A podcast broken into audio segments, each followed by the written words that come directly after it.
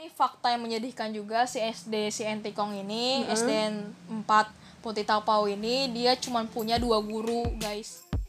Hello The Changer, di Kamis Kilas Balik episode kali ini kita akan ngebahas tentang Expedition Antikong bersama Kak Amira. Stay tune!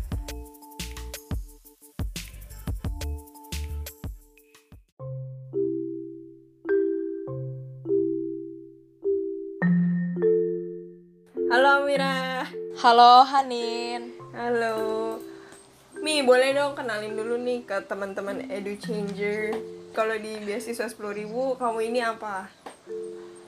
Oke, eh, halo teman-teman semua, halo teman-teman Edu Changers, kenalin nama aku Amira Rahmawati. Eh, di Beasiswa 1000 aku selaku co-founder dari Beasiswa 1000. Dan tambahan juga, eh, aku mahasiswa semester 8 dari Universitas Indonesia, jurusan Administrasi Negara, Fakultas Ilmu Administrasi yang sebelumnya pecahan dari FISIP UI. Oke. Kami sibuk apa sekarang? Untuk sekarang lagi sibuk skripsian sama kayak Hanin karena kita sama-sama semester 8 nih. Anak-anak maba mahasiswa bangkotan ya. Dan jadi skripsian sama ada project juga sih, project sama teman-teman alumni SMA sama ngurus BCS 2000. Oke, mantep banget dah. Baru intro doang. Waduh, waduh. Jadi gini teman-teman Edu Changer, dalam episode podcast beasiswa 10.000 kali ini kita ada segmen namanya Kamis Kilas Balik atau kalau di bahasa Inggrisnya tuh Throwback Thursday. Mantap jiwa. Nah jadi em, Kamis Kilas Balik itu gimana sih? Jadi eh, rencananya Kamis Kilas Balik itu bakal tentang kilas balik dari teman-teman beasiswa 10.000 terkait program-program atau event-event yang pernah mereka alamin di beasiswa 10.000 tentu saja. Jadi gitu ya. Gini sih Mi, Iya. kamu hari ini mau nyeritain tentang apa nih? Mungkin seperti yang di request sama teman-teman juga nih, pengen kilas balik tentang Antikong Expedition. Mantap. Entikong tuh di mana ya? Antikong itu di perbatasan Indonesia Malaysia di Kalimantan Barat dari Pontianak itu kurang lebih 8 jam. Wow. Emang satu provinsinya tuh bisa bisa aja udah mencakup dua provinsi di Jawa gitu, saking luasnya. Wow. Wow, aku baru tahu loh. Iya, dan makanya kenapa pilih Entikong juga karena emang kan eh, kita emang niatnya emang mimpi kita sih sebenarnya eh, itu diinisiasiin sama Kadita. Kadita itu salah satu eh, pendiri dari Beasiswa Seribu juga di tahun 2018 tuh dia pernah ke Entikong kan, kayak pernah cerita-cerita tentang Entikong. Nah, itu tuh menginspirasi banget ke gue, Safira, eh, yang founder-founder lain juga kayak penasaran kok Kadita cerita mulu nih tentang Entikong kayak seru banget uh, daerah perbatasan kayak aduh namanya aja unik gitu loh kayak Entikong gitu lucu banget gak sih namanya? Iya, kayak unik dan di daerah perbatasan kayak uh, penasaran banget jadinya kita kayak kenapa kita nggak bikin pengabdian masyarakat kayak Entikong? Waktu itu aku bilang ke teman-teman founder kayak eh iya bener juga uh, karena kita emang sampai uh, waktu awal-awal bikin Beasiswa Seribu tuh sebenarnya belum kepikiran tentang pengabdian masyarakat kayak kayak kenapa terinspirasi pengen bikin pengabdian masyarakat tuh karena sebelumnya kita pernah uh, lihat Inavis, Yuken, kayak uh, platform-platform yang ada pengabdian masyarakat. Nah kita kan ngerasa kayak mungkin kalau kita misalnya banyak wadah-wadah platform yang kayak Inavis, Yuken itu bakal membantu banyak pendidikan-pendidikan yang di daerah-daerah yang tertinggal gitu. Karena kan nggak kita tuh terlalu luas lah istilahnya Indonesia itu terlalu luas kalau cuman uh, bisa berharap sama pemerintah kalau misalnya kita yang udah punya tenaga, SDM, ilmu untuk terjun langsung ke masyarakat kenapa enggak harus nunggu pemerintah jadi kayak ayo coba deh kita bikin peng- pengabdian masyarakat di Antikong perbatasan Malaysia Indonesia Wow. begitu Keren banget. Jadi impactnya juga lebih real ya. Iya, dan emang targetnya tuh kita pengen ke daerah 3T sih. Dan yang kedua kan juga expeditionnya ke Baduy nih. Nah, T- 3T itu apa? 3T itu daerah terluar, tertinggal terpencil jadi benar-benar yang terluar tertinggal kayak benar-benar yang jauh dari istilahnya da- jauh dari peradaban eh, daerah di daerah lainnya sih peradaban kayak lagu indie gitu ya aduh aduh pengen nyanyi jadinya. Ya jadi itu isinya event tentang pengabdian lah ya intinya mah. Iya, nah intinya kalau misalnya eh, inti dari expedition ini kan, jadi kayak expedition nggak pakai e ya, x langsung. oh langsung X. Iya, karena karena ya lebih apa ya x itu kan melambangkan banyak hal ya. Kayak di matematika juga x itu kan kayak harus dicari gitu. X itu juga Oh. kayak di apa di peta di peta harta karun nih. X tuh ha, harus hal yang utama gitu loh. X yang harus kita ketahui harus kita cari kita langsung ketemuin gitu. Jadi istilahnya kayak kalau expedition langsung x tanpa e itu kayak sesuatu hal yang berharga untuk kita capai kita lihat langsung gitu loh, intinya sih wow wow keren banget baru tahu ada filosofinya jadi di Antikong kamu ngapain Mir Nah mungkin kilas balik dulu kayak eh, eh, expeditionnya, maksudnya dari awal banget nih. Jadi eh, sebenarnya pengabdian masyarakat ini juga salah satu program eh, besar paling besar sih expeditionnya. Maksudnya dari awal banget nih. Jadi eh, sebenarnya pengabdian masyarakat ini juga salah satu program eh, besar paling besar sih Hmm? eh, apa ya program kerja nyata untuk membantu pendidikan Indonesia. Jadinya emang kita bikin expedition pengabdian masyarakat. Pengabdian masyarakatnya itu fokus di bidang pendidikan. Kalau pada akhirnya banyak yang terinspirasi buat bikin acara-acara program serupa tuh sangat membantu banget karena Indonesia tuh terlalu luas dan butuh banyak orang buat gerak. Jadi kayak kalau nanti abis ini kalian dengar terinspirasi atau ataupun sebagainya tuh kayak gue malah seneng banget kayak Indonesia tuh butuh kalian untuk terus bikin apa pun itu yang berguna buat orang-orang. Nah jadi kan kayak kalau di Navi sama Yuken yang kita lihat tuh eh, mereka kan fokusnya banyak ya kayak misalnya ke ekonomi, terus ke kesehatan, terus juga ke sosial budaya misalnya. Nah tapi kalau misalnya di Beasiswa Seribu itu kita pengen bikin sesuatu yang beda. Kayak eh, ya ini quotes yang emang selalu kita tekenin juga nih ke semuanya. Kayak kalau misalnya lu nggak bisa jadi yang terbaik ya set- setidaknya lu jadi yang berbeda gitu. Kalau lu nggak bisa jadi yang terbaik ya seenggaknya lu bikin hal yang beda bikin orang itu penasaran juga. Nah yang beda dari kita tuh kita yang waktu yang pertama itu sebenarnya Anticom kita pengen sama influencer sama Aukarin karena kan kita waktu itu ngeliat kayaknya Aukarin lagi booming boomingnya banget nih kayak Turjun sama sekolah relawan sama kita bisa.com kayak oh ini eh, apa ya influencer yang menurut gue ya mereka nggak cuma ngejar popularitas tapi juga emang ada impactnya buat eh, terjun langsung ke masyarakat. Nah emang konsep awal kita tuh pengen pengambil masyarakat sama Aukarin ataupun influencer lainnya. Tapi eh, setelah banyak eh, diskusi ternyata ya udah kita lebih fokus aja pengabdian masyarakat tanpa ada embel-embel yang influencer dan sebagainya. Tapi kita ya eh, yang bikin kita beda tuh kita eh, benar-benar pengabdian masyarakat belajar eh, ngabdi tapi kita juga bisa eh, senang-senang bareng di sini. Jadi kita di pengabdian masyarakat ini juga ada kayak kita ada kunjungan ataupun kayak ada wisata satu hari full yang yang ya mungkin kita udah berapa hari nih pengabdian kayak panas-panasan eh, ke desa-desa dan sebagainya. Tapi kita juga nggak lupa untuk buat eh, bonding ataupun bikin erat satu sama lain anggotanya peserta volunteernya. Kayak nah konsep dari expedition ini kayak kita pengabdian tapi kita juga nggak lupa untuk belajar budaya dan juga eh, eh, apa ya berkunjung ke cagar budaya yang ada di daerah itu. Nanti kalau di Antikong kita ke perbatasan dan kita masuk ke Malaysia. Kebetulan waktu itu kita emang eh, konsepnya emang kita pengen fokus di bidang pendidikan kita ngajar di sekolah tapi kita juga nggak lupa sama fokus ke bidang masyarakatnya. Kita juga ngasih pelatihan ngasih eh, kayak insight-insight tentang eh, kepemimpinan juga. Itu program kedua. Yang program utamanya itu tetap kita ngajar di sekolah selama tujuh hari full itu. Kan kita kan kurang lebih di Antikong eh, tujuh hari ya. Kalau yang tim survei kok kalau aku nih kalau aku tim survei kan karena aku koordinator acara di sana. Jadinya aku emang berangkat di awal juga buat nemenin uh, yang lain juga kan seba- sebagai tim gitu. Nah kalau aku 10 hari kalau volunteer tuh tujuh hari Nah, pokoknya intinya kita program utamanya itu ngajar di sekolah dan juga kita ada uh, ada program terjun ke masyarakatnya, tapi itu program kayak kedua gitu, bukan yang utama. Dan kita ada program lainnya kayak kita bonding dan kita cari tahu nih tentang etnikon lebih dalam di perbatasan Malaysia.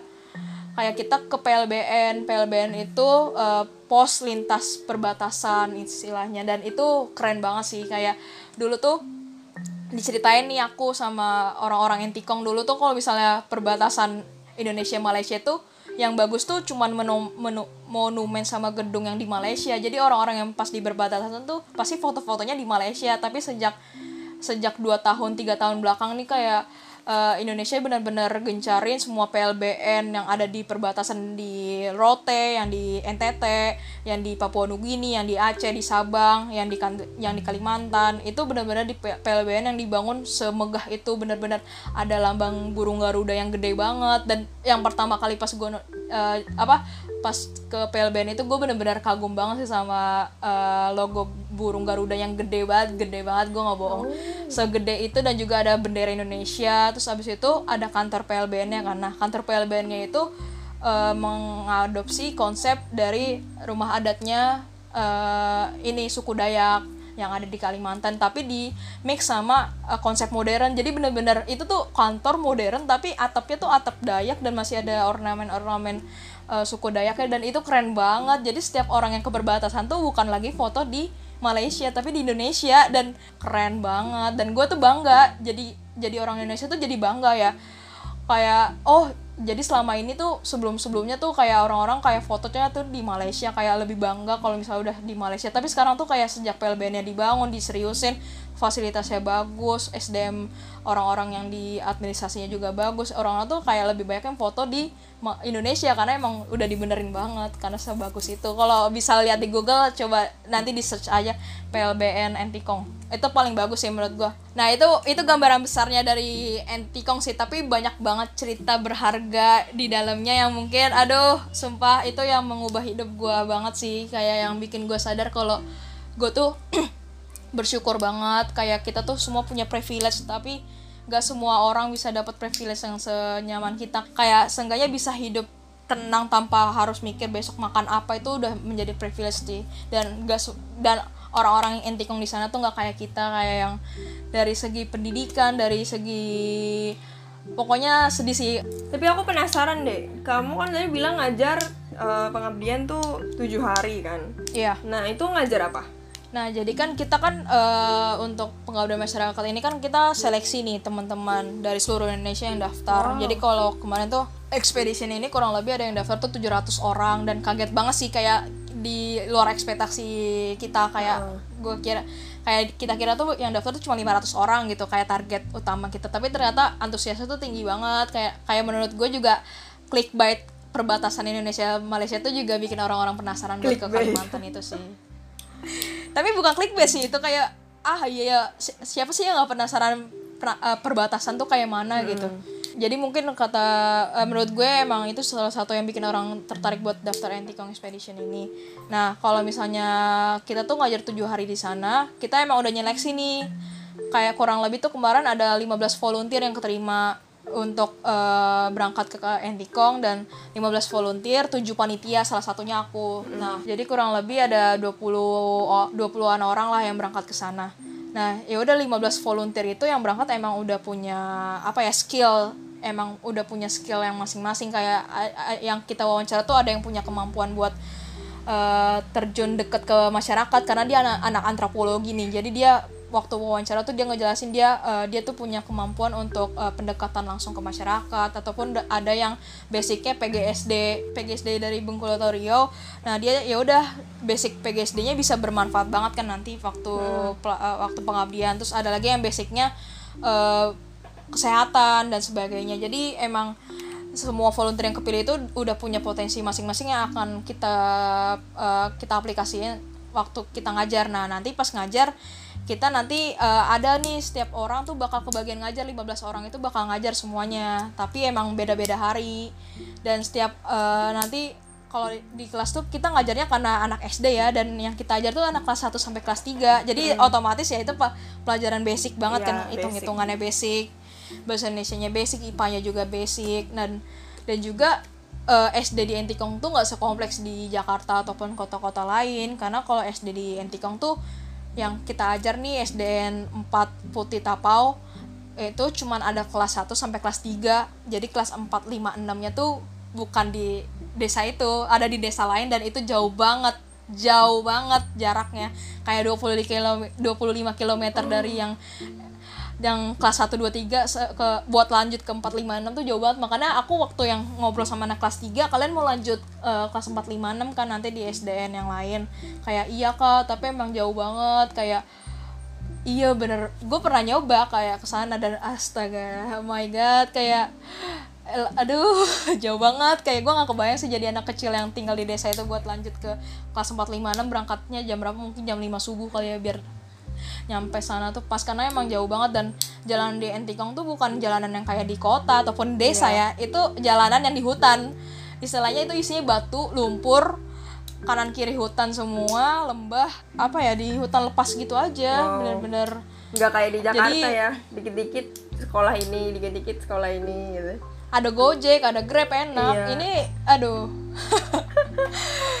Makanya Jauh emang jauh banget. Itu sih kayak jadi kita ngajar anak kelas 1 2 3-nya kan. Hmm. Kita eh, setiap hari itu setiap kelas itu diisi sama tiga orang volunteer.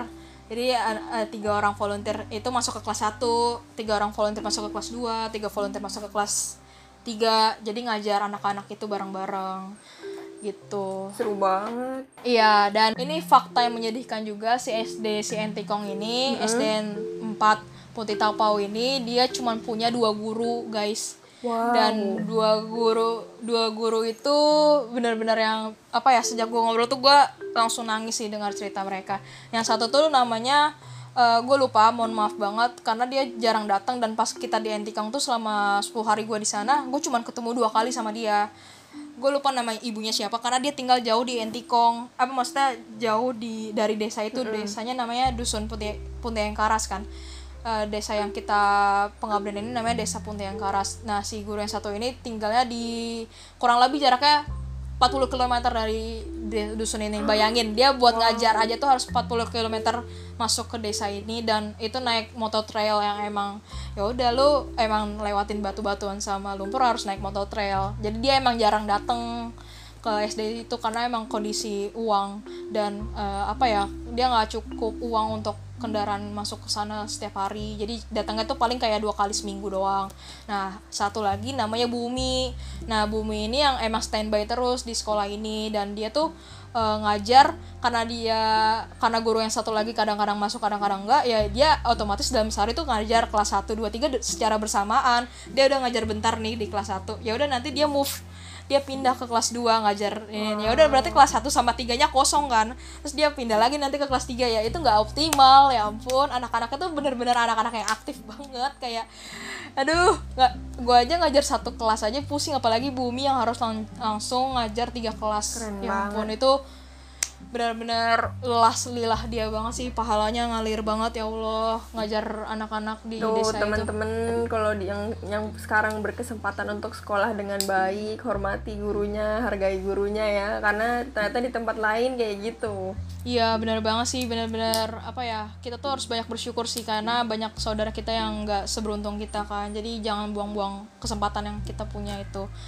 Nah ada eh, info juga nih bukan info sih kayak lanjutan dari Bumi. Bumi tuh sebenarnya nggak tinggal di desa itu di dusun Puntayang Karas. Dia tuh sebenarnya tinggalnya juga jauh sama kayak ibu yang satu lagi. Dia tuh sebenarnya kayak jarak eh, dia tuh tinggalnya di ko- agak ke kota. Kalau dusun Puntayang Karas ini kan benar-benar pelosok emang masuk hutan ke dalam banget ya. Nah, tapi eh, sejak 10 tahun yang lalu tuh eh, si warga ini tahu kalau misalnya anak-anak mereka tuh nggak akan maju kalau misalnya nggak ada guru yang standby. Maksudnya yang emang stay setiap hari di situ. Karena setelah sebelum sebelumnya tuh emang guru tuh jarang nggak setiap hari masuk. Kayak cuman hari Senin misalnya cuman kayak jarang banget deh masuk. Kayak nggak maksudnya kalau kita di kota kan guru setiap hari masuk ya. Iya. ini di desa ini guru tuh datang aja tuh alhamdulillah gitu. Kayak suatu aduh ya ampun akhirnya datang nah akhirnya si warga satu warga ini kayak mohon sama bumi kan bu tolong tinggal di desa ini tolong untuk ajarkan anak-anak kami setiap hari jika anak-anak kami butuh bantuan ibu untuk mengajar anak-anak kami tidak perlu jauh-jauh datang ke rumah ibu yang ada di kota gitu. Kayak benar-benar dibikin apa ya benar-benar sedih banget sih kayak bumi tuh sampai nangis gitu. Ya ampun kalian sampai mohon-mohon sampai saya sampai sujud-sujud bayangin. Wow. sampai sampai ya udah sampai bumi tuh mau tinggal di desa ini dan akhirnya dia mau karena ya udah sedih banget gitu. Ya iyalah siapa lagi yang bisa ngajar anak-anak ini kalau bukan saya dan saya harus tinggal di sini.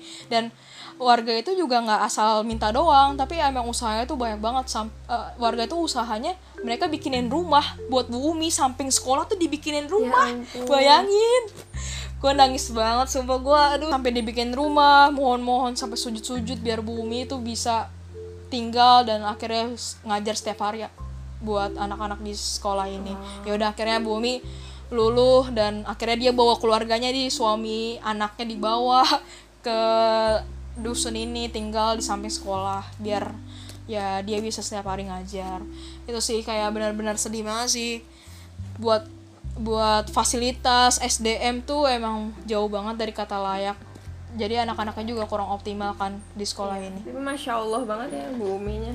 masya allah banget sih baik banget sih itu kelihatan banget sih guru yang total banget pengabdian buat ngajar Wow. It, Tapi jarak dari yang tem- yang tempat tinggalnya Bu Umi sebelumnya sama ke dusun berapa menit mir kira-kira? Karena dia di kota juga ya jauh sih kayak 40 km 30 lah 40 30 km juga sih jauh Sejam kah? Lebih? nggak tahu sih Ka- kar- gimana ya karena jaraknya jauh dan treknya tuh kalau misalnya jaraknya jauh tapi jalanannya tol kayak aspal gitu mu- mungkin cepet ya tapi Iya. ini tapi ini tuh udah jauh lembah kayak lewati gunung lewati lembah itu lagunya kayak gitu bener-bener ya itu jadi gua nggak bisa me- apa ya ya dua jam satu jam mungkin ya dua jaman lah Wow.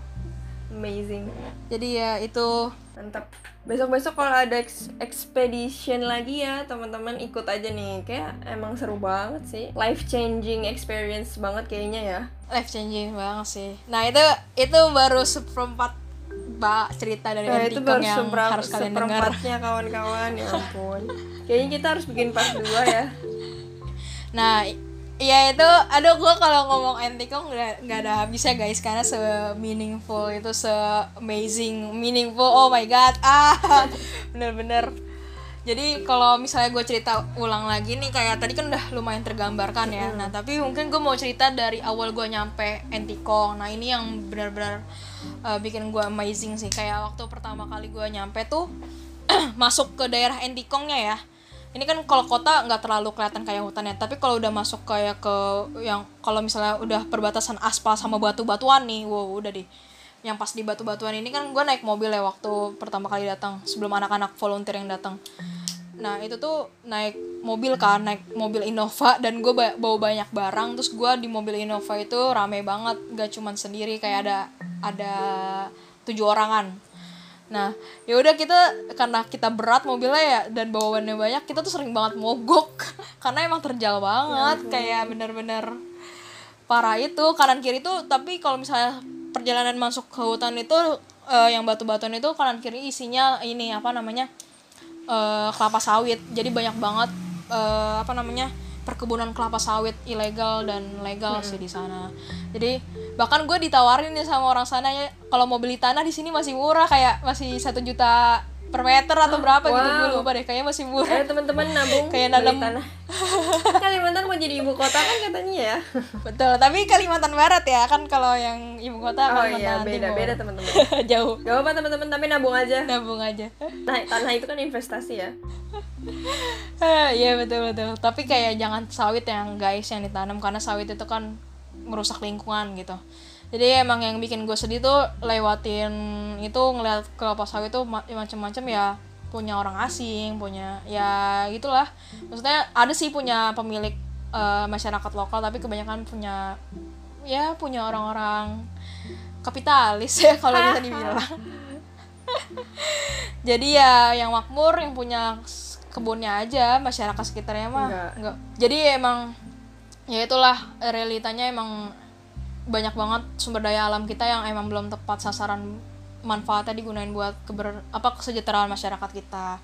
Nah udah ngelewatin lembah tuh lewatin kanan kiri hutan sama kebun sawit kita udah mulai masuk tuh. Nah pas udah mulai masuk hutan jalan-jalan masuk dusun muncullah hewan yang sangat gak pernah gue lihat.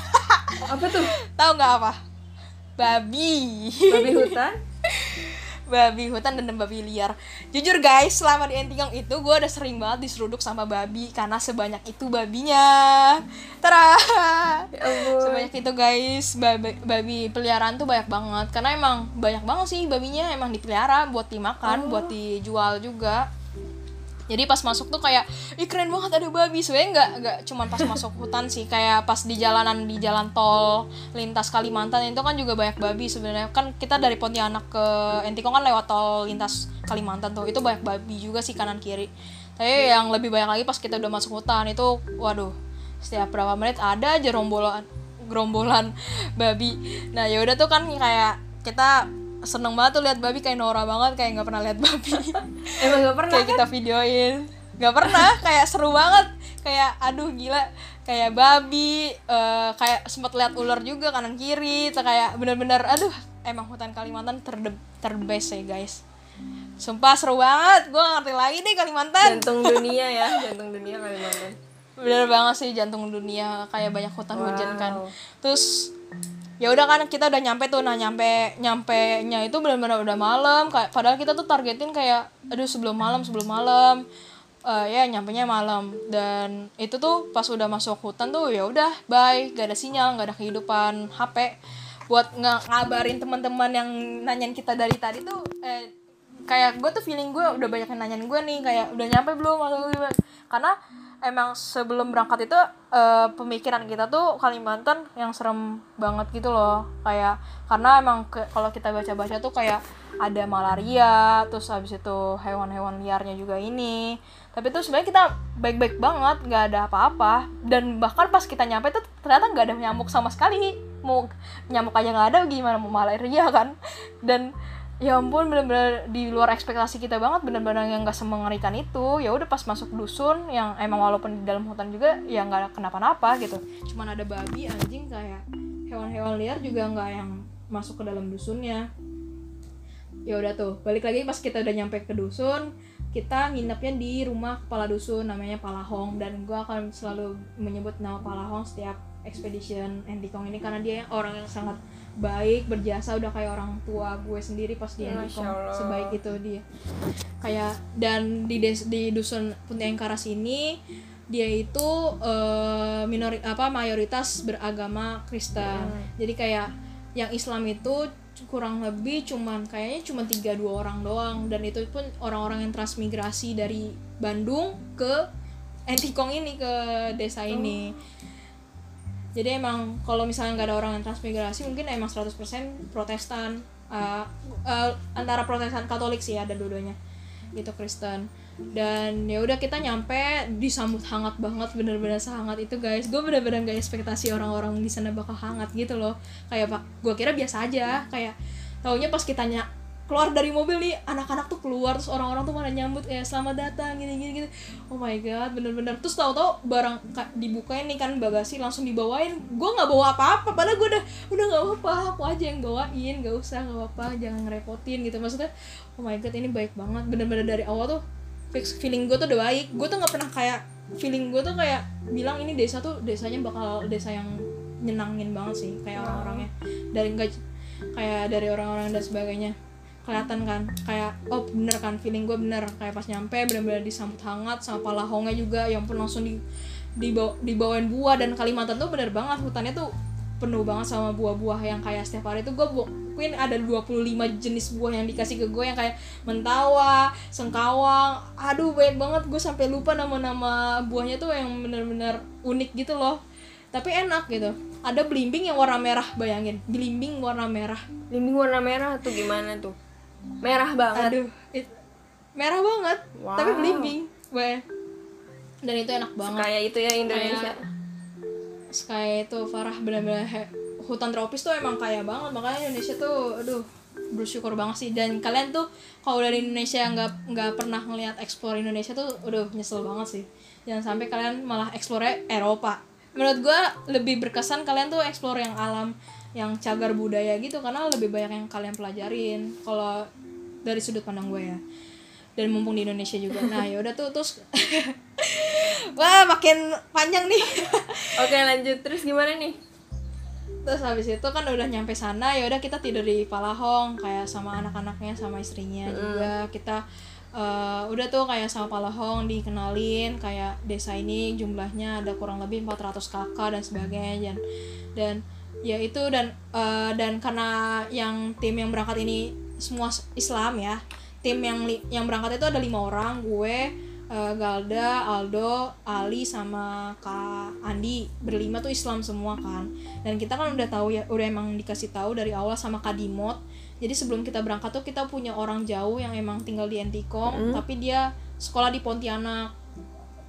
Jadi eh, dia tuh eh, di IKI Pontianak. Nah kita tuh kan kita kan nggak bisa survei dari jauh-jauh hari ya karena kan emang jauh banget. Jadi kita dari kemarin tuh nyari infonya lewat Kadimot ini. Kadimot itu orang asli Entikong yang emang de- eh, deket dari dusun Punte yang Kares tinggalnya. Jadi kita nyari info kayak eh, tempat tinggal. Pas nyampe sana tuh semuanya udah udah ini udah udah lengkap nggak usah ngurus apa apa udah tinggal tidur tinggal makan. Karena emang dari awal kita udah survei dari jarak jauh yang dibantu sama Kadimot. Jadi gue mau bilang makasih banget kalau misalnya nanti kalau ada Kadimot Palahong dan sebagainya yang dengar makasih banyak udah bantuin tim expedition yang akhirnya kita semua bisa melak- melaksanakan ini semua dengan baik karena nggak jauh dari bantuan Kad- Kadimot sama Palahong. Makasih banyak.